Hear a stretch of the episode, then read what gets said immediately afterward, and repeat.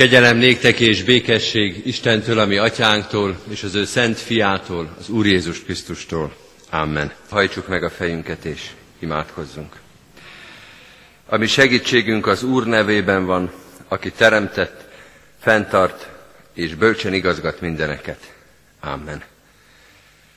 Menjél, atyánk, valóban te vagy a mi segítségünk és oltalmunk, a vigaszunk és a reménységünk. Köszönjük, hogy hozzád járulhatunk, és itt lehetünk most is, tanulhatunk tőled, mert a tőled jövő bölcsesség, erősség, vigasztalás és reménység.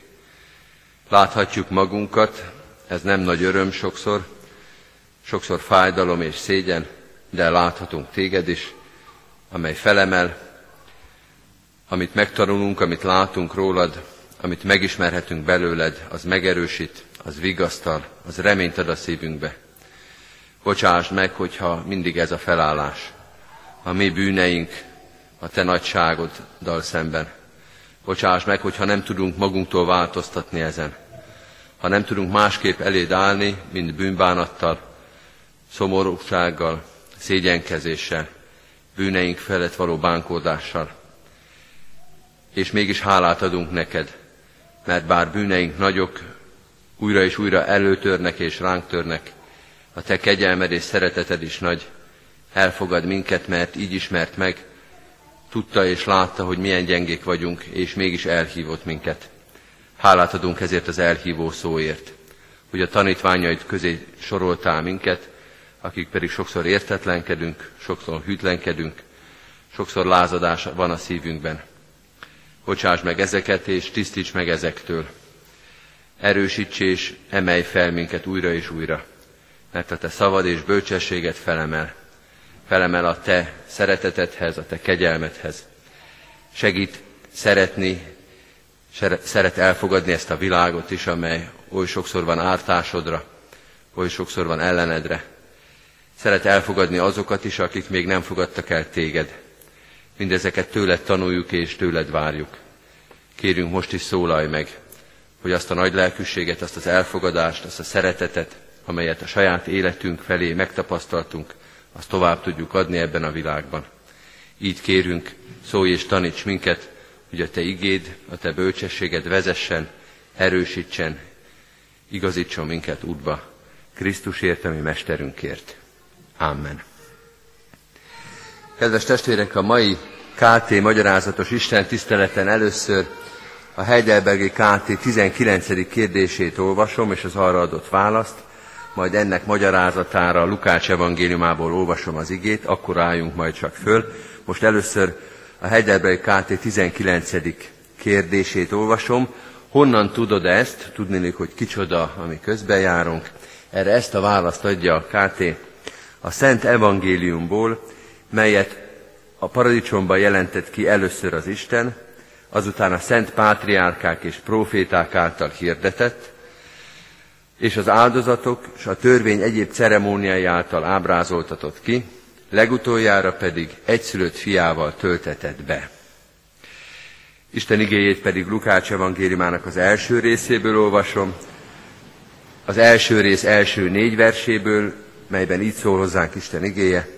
Miután sokan vállalkoztak már arra, hogy tudósítsanak bennünket a közöttünk beteljesedett eseményekről, úgy, amint ránk hagyták azok, akik kezdettől fogva szemtanúi és szolgái voltak az igének, magam is jónak láttam, hogy miután elejétől kezdve mindennek pontosan utána jártam, sorjában megírjam azokat neked, nagyra becsült Teofilus, hogy azokról a dolgokról, amelyekről tanítást kaptál, megtud a kétségtelen valóságot.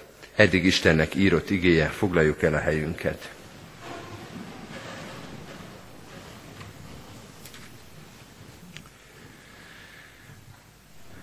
Kedves testvérek, a gyermekkori vitáinkban, vagy a gyermekek vitáiba talán ma is van egy végsőnek szánt érv, vagy sokkal inkább megkérdőjelezés, ez így hangzik, ki mondta. Emögött a kérdés mögött az van, hogy miért fogadjam én el azt, amit te mondasz, és amivel érvelsz, ki áll a te információd mögött, milyen tekintély, honnan szerezted azt az érvet, amivel most megpróbálsz engem legyőzni. A kimondta kérdésben az van benne, hogy miért kéne nekem elfogadnom azt, amit te mondasz. Nem csak a gyermekek vitáiban, de a teológiában is ez az alapvető kérdés. Ki mondta? Honnan veszük azokat az információkat, amelyeket mondjuk Jézus Krisztusról vallunk, és legfőképpen miért gondoljuk, hogy azok igazak? Milyen tekintély áll azok mögött az információk mögött, amelyeket mondjuk a Krisztus történetben ismerünk és ismertnek fogadunk el. Miért engedelmeskedünk azoknak az intéseknek, azoknak az irányoknak, amelyeket ebből kiolvasunk? Milyen tekintélyt és milyen érvelést érzünk a mondatok, az információk, az intések mögött? Amikor erre válaszolunk, nem csak a Lukács evangéliumának bevezető sorai, de a KT kérdés gondolkodásának logikája szerint is, rögtön az elején meg kell jegyeznünk, hogy amiről beszélni fogunk, az bár elég logikusan próbál fölépítkezni, és egész, egész logikus gondolatok jönnek majd egy sorba, mégsem olyan, mint mondjuk egy bírósági tárgyalásnak a tanú kihallgatása, valamilyen szinten mindenképpen hitkérdés marad az, hogy Jézus Krisztus történetéről mit gondolunk, és annak a tekintélyéről mit állítunk.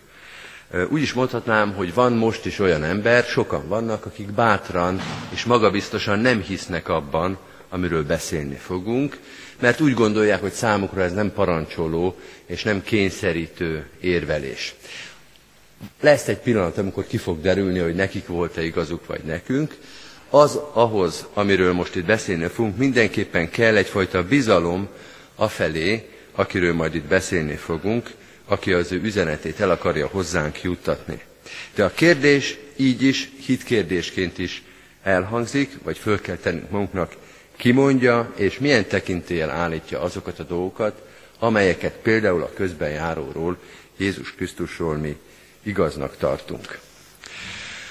Akár a Heidelbergi KT, akár a Lukács evangéliumának bevezető sorai, mind a kettő ugyanaz az alapfeltételezéssel és alapgondolattal indít, nem is magyarázza, ebből indul ki, amit így fogalmazhatunk meg, Istennek gondja van az ő üzenetére. Isten számára fontos, hogy üzenetet juttasson el számunkra. Valamit el akar mondani. Valamit el akar juttatni hozzánk. Ebben a témában, vagy ebben a feladatában nehezebb dolga van, mint a paradicsom állapotban volt, amikor szemtől szembe álltunk vele, amikor az Úristen mondott valamit, és abban a pillanatban, és ugyanazzal a tartalommal az ember már értette és magáénak is tudhatta az információt, de azzal, hogy megromlottak a kommunikációs viszonyok, hogy az Úristen mond valamit, és mi nem is abban a pillanatban, és nem is olyan mértékben halljuk azt meg és értjük meg, ez a tény nem vette el az Úristen kedvét a velünk folytatott kommunikációtól. Megnehezettek a körülmények, de ettől még ő ugyanúgy el akarja juttatni az információit, mint ahogy ezt korábban tette. Egy kicsit úgy van ez, mint amikor évtizedekkel ezelőtt bibliákat próbáltunk, és itt is biztos sokan Erdélybe eljuttatni, egyre nehezebbek voltak a körülmények, de azért bizonyos emberek nem tettek le arról a szándékukról, hogy ide-oda dugva, ilyen és olyan rafináltnak hit módszerekkel a Szentírást átjuttassák a körbe zárt és, és elnyomott erdélyi magyarság számára. Ha nehezednek is a körülmények, a szándék a kérdés. Van-e szándék arra, hogy a testvéreinknek szentírás juttassunk? Van-e szándék arra, hogy az Úristen az üzenetét el akarja juttatni hozzánk? Erre az első kérdésre válaszol a KT is, és a Szentírás is, nem csak itt, hanem nagyon sok helyen ezzel a válaszsal. Isten számára fontos, hogy üzenetet jutasson el, hogy tudjunk róla, hogy ismerjük az ő üzenetét, és van is hatalma rá, hogy mindezt a megnehezedett körülmények ellenére megtegye. A második, most már egy kicsit konkrétabb gondolat így hangzik, az Isten üzenetének a középpontjában egy emberi történet áll. Mind a két szóra tegyünk hangsúlyt, bár mind a kettőt erősen magyarázni kell, emberi történet áll. Az emberi történet alatt azt értjük, hogy emberi ez a történet, hogy az emberi lét keretei között jelent meg az ő története. Tehát így igaz a mondat, hogy egy emberi történet áll Isten üzenetének középpontjába, hogy az emberi lét keretei közé hozta el az ő történetét, most konkrétan a Krisztus történetről beszélünk, tehát nem az embernek kellett fölmennie valamilyen isteni szférába, és ott egy egészen más koordináta rendszer között működő történetet kellett megértenie emberi észsel, hanem fordítva a történet, hogy Isten száll le, és egy emberi történeten keresztül hozza el az ő üzenetét, egész konkrétan a megváltás üzenetét és történetét. De nem csak a Krisztus történetbe, mert ezt tette a pátriákák történetébe, Ábrahámtól kezdve, ezt tette a proféták történetében, vagy a szolgálatában, így működik az apostoli korban, és elsősorban, és személyében magában, és így működik Jézus Krisztusban is. Tehát föntről lefelé jön az információ. Talán kicsit túlzó a hasonlat, de olyan ez, mint egy hajó, az Úristen áll a kapitányi hídon, mi vagyunk lenne a gépházban, és nem a gépházból kell fölmennie az embereknek, hogy na akkor most mi a feladat, hanem az Úristen szól le, juttatja el az üzenetét azon a hosszú-hosszú hangcsövön, és hangzik el a gépházba a mi szintünkön is az az információ, amire szükségünk van. Isten üzenete fölülről lefelé egészen az ember szintjéig. Tehát ez egy emberi történet ebben az értelemben, és történet, és ez is fontos. Az Isten üzenetének a középpontjában egy történet van. Más megközelítésben azt is mondhatnám, hogy egy szöveg van. Vagyis nem a liturgia. Az Istennel való kapcsolatunknak a központja nem abból áll, hogy részt veszünk egy bizonyos eseményen. Ezt elég sűrűn megismételjük, és ezzel nagyjából rendben is van a történet. Nem egy titkos tudás, nem valamilyen titkos jelszót kell tudni, amit majd adott esetben bepötyögünk, és megnyílik az Úristen országának a kapuja. Nem valamilyen meditatív vagy extatikus élmény, amin valahogy át kell esni, és ezzel az Úristen beemel minket az Isten országába, hanem egy történetet kell megértenünk. Egy szöveget kell elolvasnunk, egy szöveget kell megértenünk. Mindegyik fontos, amit felsoroltunk, a liturgia is, az Isten titkainak a megértése, a meditációval, vagy az elragadtatásban, az Isten közelségében szerzett élmények, ezek mind fontosak. De egy olyan történetet kell megismernünk, amely elejétől végéig leírható, megfigyelhető, a szereplői felsorolhatók. Ezekhez képest kevésbé romantikus a megoldás. De Isten ezt a megoldást tart, ö, tartotta fontosnak, elkezdődik Betlehembe a Krisztus történet, és végződik a husvéti feltámadással, illetve a mennybe menetellel. Ezt a történetet kellene végigolvasni és végig értelmezni. Vagyis azt állítjuk ezzel, és azt arra hívja föl a KT is a figyelmet, és a bevezető sorokban Lukács is, hogy Isten elérhetővé tette számunkra ezt a történetet. Megismerhetővé, elérhetővé, széles tömegek számára. Minden közösségnek nagy kísértés, és a kereszténységben és a vallásos közösségben is megvan az a kísértés, hogy valamilyen elitizmus felé haladjanak, és azt mondják, hogy az igazi, fontos dolgokat nagy tömegek nem fogják megérteni. Néhány kiválasztott, néhány vágyfülű, néhányan, akik eljutnak addig a kidolgozottságig, addig a, az elvonatkoztatásig, addig az abstrakcióig, azok talán. Na de az, hogy mindenki, hát azért az, az úgy nem szokott történni. Ezzel szemben a Jézusi történet hogy olyan történet, amelyet az Isten úgy állított össze, hogy széles tömegek, időn és téren keresztül széles tömegek megértsék. A Krisztus történethez nem kell teológiai professzornak lenni. A Krisztus történet megértéséhez nem kell valamiféle beavatottság, amelyel a megfelelő kódokat alkalmazva kinyílik a szövegnek az igazi értelme. Nem kell valamiféle titkos rasztert rátenni a szövegre, hogy a főbb szavak kirá, kiábrázolják, hogy aztán végül is mi itt a lényeg.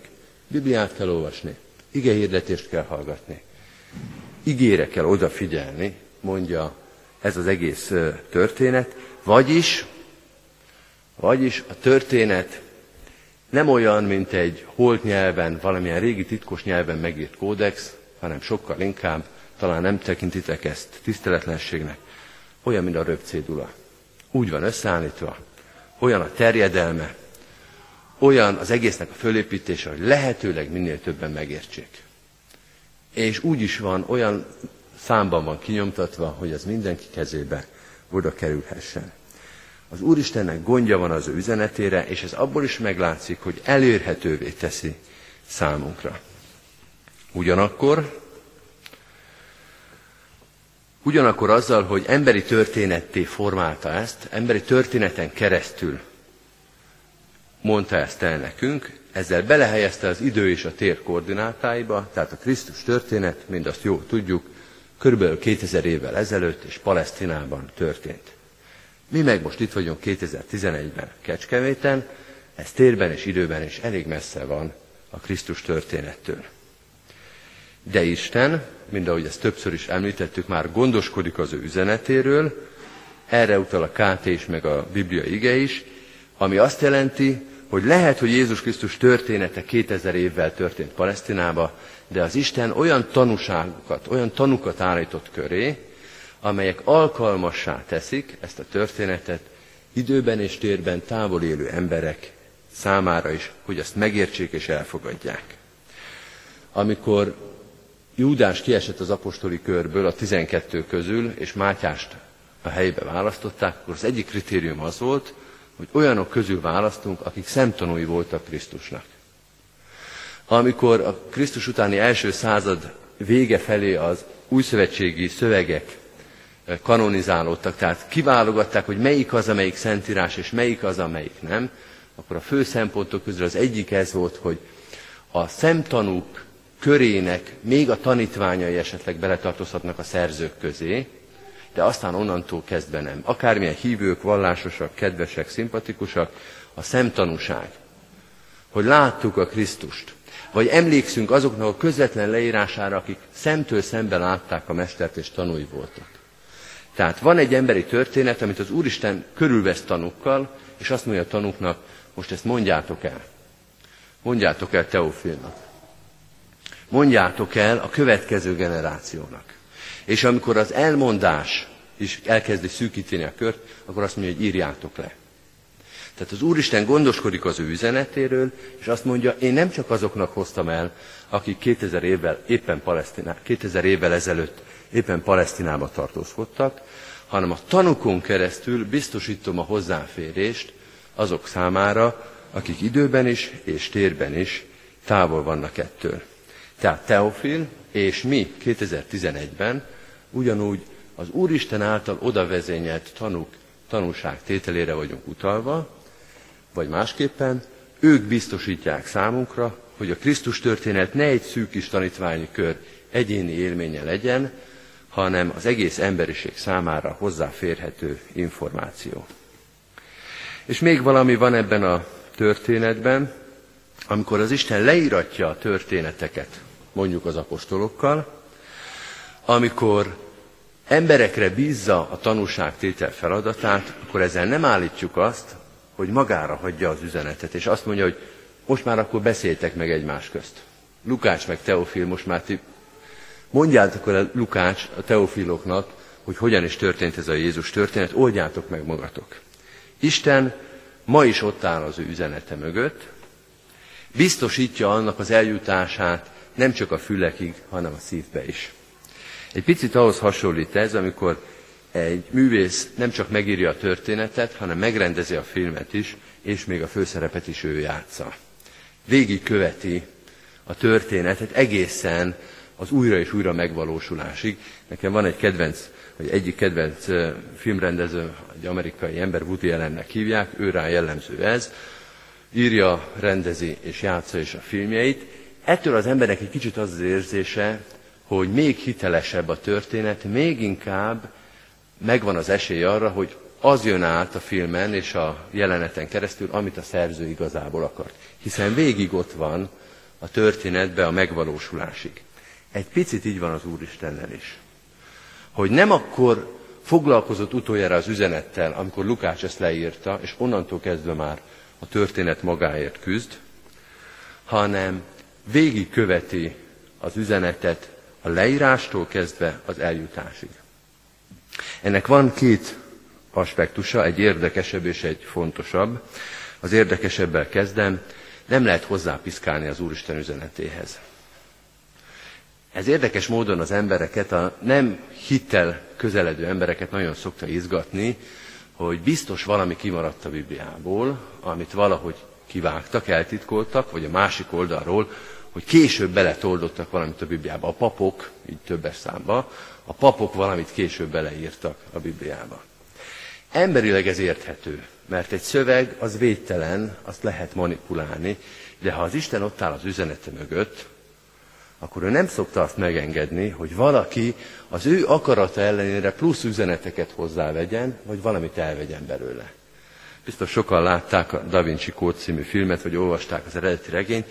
Most az utóbbi évtizedben talán ez volt a leghíresebb, hogy van egy nagyon fontos üzenete az Úristennek, amit sikerült az embereknek, az Úristen akaratával nyilván ellenkezően, eltitkolni a későbbi korok elől. Ha az Úristen ott áll az üzenet mögött, ha azt kezébe tartja, akkor ez nem nagyon működik. Hogy mi emberek a sugójukból, lentről, a legalsó szintről belepiszkáljunk az Úristennek az üzenetébe, amit nem csak az első tanítványi körnek, hanem mind a mai napig el akar juttatni az emberek szívébe, és nem engedi, hogy bárki ahhoz hozzájusson. Hozzávegyen, vagy hozzátegyen, vagy elvegyen belőle. Ez talán az érdekesebb, de van ennél egy számunkra fontosabb üzenete is. Nem a tanúkon múlik, hogy hitelese a Krisztus történet. Nem Lukács, Máté Márk Lukács, vagy Pálapostól, vagy János vállán nyugszik igazából az a felelősség, hogy mi később elhisszük-e nekik ezt az egész Jézus történetet, vagy nem. Hogy ők ügyesen megfogalmazták, hogy ők megfelelően érzékletes szavakkal írták ele, nem ezen múlik a történet. Nem a leírásoknak a szövegbeli értéke az, ami igazából a szívünket megragadja, hanem Isten maga juttatja el az üzenetét a szívünkbe. Leíratja, de maga viszi el. Így is mondhatják, hogy Isten levelet küld nekünk, az lehet, hogy máshol iratja le, de saját maga kézbesíti. Az, hogy egy emberi szívbe 2011-ben hitelessé válik az evangéliumnak a leírása, Krisztus történet, az nem Lukácson múlt annak idején, hanem azon, hogy az Úristen ma, 2011-ben is képes megragadni emberi szíveket ezen a történeten, ezen a szövegen keresztül. Tehát Isten maga kézbesíti ma is a történetet, Teofilnak is már ő kézbesítette, néhány évtizeddel Jézus Krisztus után, és 2011-ben is ugyanígy ma viszi el a szívekhez, és ma tőle van az, hogy emberek egy 2000 évvel ezelőtt Palesztinába történt történetet aktuálisnak, hitelesnek és az életüket megfordító történetnek ismernek meg. Amen. Helyünkön maradva hajtsuk meg a fejünket és imádkozzunk.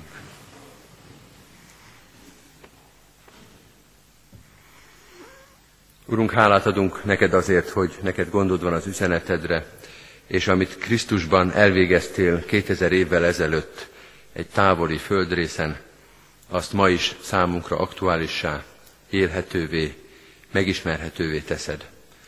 Hogy nem a történelmi koroknak és történelmi kultúráknak a története ez, hanem a te élő igéd, amely ugyanúgy aktuális, ugyanúgy élő és ható ma is, ugyanúgy megismerhető számunkra, akik oly messze vagyunk ettől a távoli időponttól.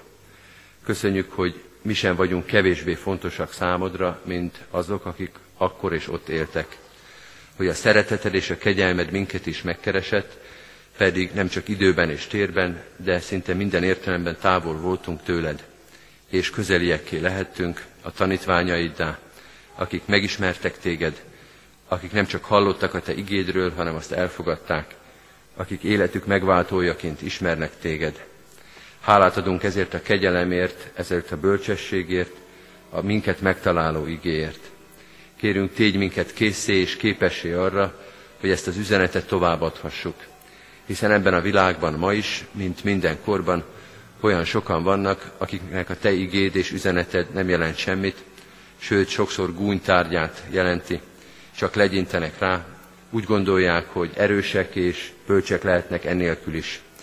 Segíts, hogy feléjük is alázattal, szeretettel, de határozottan képviseljük a Te üzenetedet. Sokan vannak ma is ebben a világban, mint mindenkorban, akik már érzik a te hiányodat, keresnek téged, de nem találják a hozzád vezető utat. Hadd legyen a mi életünk tanúságtétel, bizonyságtétel, útmutató tábla te feléd, amely megmutatja a helyes irányt, és amely ezeket az embereket elindítja, hívja, számukra fontossá és, kész, és elfogadhatóvá teszi a te utadat. Tégy minket erre készé és képessé, mert nélküled, te szent lelkednek vezetése nélkül erre képtelenek és alkalmatlanok vagyunk. Köszönjük, hogy ezt nap mint nap megcselekszed, hogy újra és újra szólsz és embereket vezetsz a te gyülekezetedbe, a te üdvösséget körébe. Így kérünk áldást a gyülekezetünkre, minden testvérünkre itt ebben a városban, szerte az országban és a világban. Áldásodat kérjük mindazokra, akiknek az életét fontossá tetted számunkra.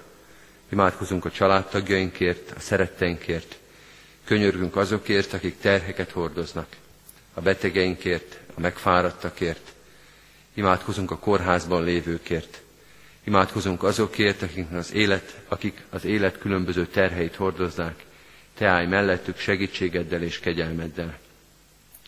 Légy ezzel a várossal és annak minden lakójával. Áld meg a munkánkat, áld meg a szolgálatainkat, adj békességet, gyarapodást, Krisztus ismeretet, nem csak ebben a városban, de az országban, országunkban és nemzetünkben, az egész emberiség körében. Urunk, Te, aki ennek az egész világnak teremtője és ura vagy, mutasd meg felségedet, hatalmadat és szeretetedet ebben a korban, ebben a világban, hogy minél többen ismerjék meg a Te egyszülött fiadat, e világ megváltóját, ami Urunk Jézus Krisztust. Amen. Az Úrtól tanult imádságot együtt mondjuk el. Mi atyánk, aki a mennyekben vagy, szenteltessék meg a te neved. Jöjjön el a te országod. Legyen meg a te akaratod, amint a mennyben, úgy a földön is. Minden napi kenyerünket add meg nékünk ma, és bocsásd meg védkeinket, miképpen mi is megbocsátunk az ellenünk védkezőknek. És ne vigy minket kísértésbe, de szabadíts meg a gonosztól, mert tiéd az ország, a hatalom és a dicsőség mind örökké. Amen. Hirdetem az adakozás lehetőségét, hálával áldozzál az Úrnak, és teljesítsd a felségesnek tett fogadásidat. Mindezek után az Úr Jézus Krisztusnak kegyelme, Istennek, ami atyánknak szeretete, és a Szentlélek Istennek közössége legyen és maradjon minnyájatokkal. Amen.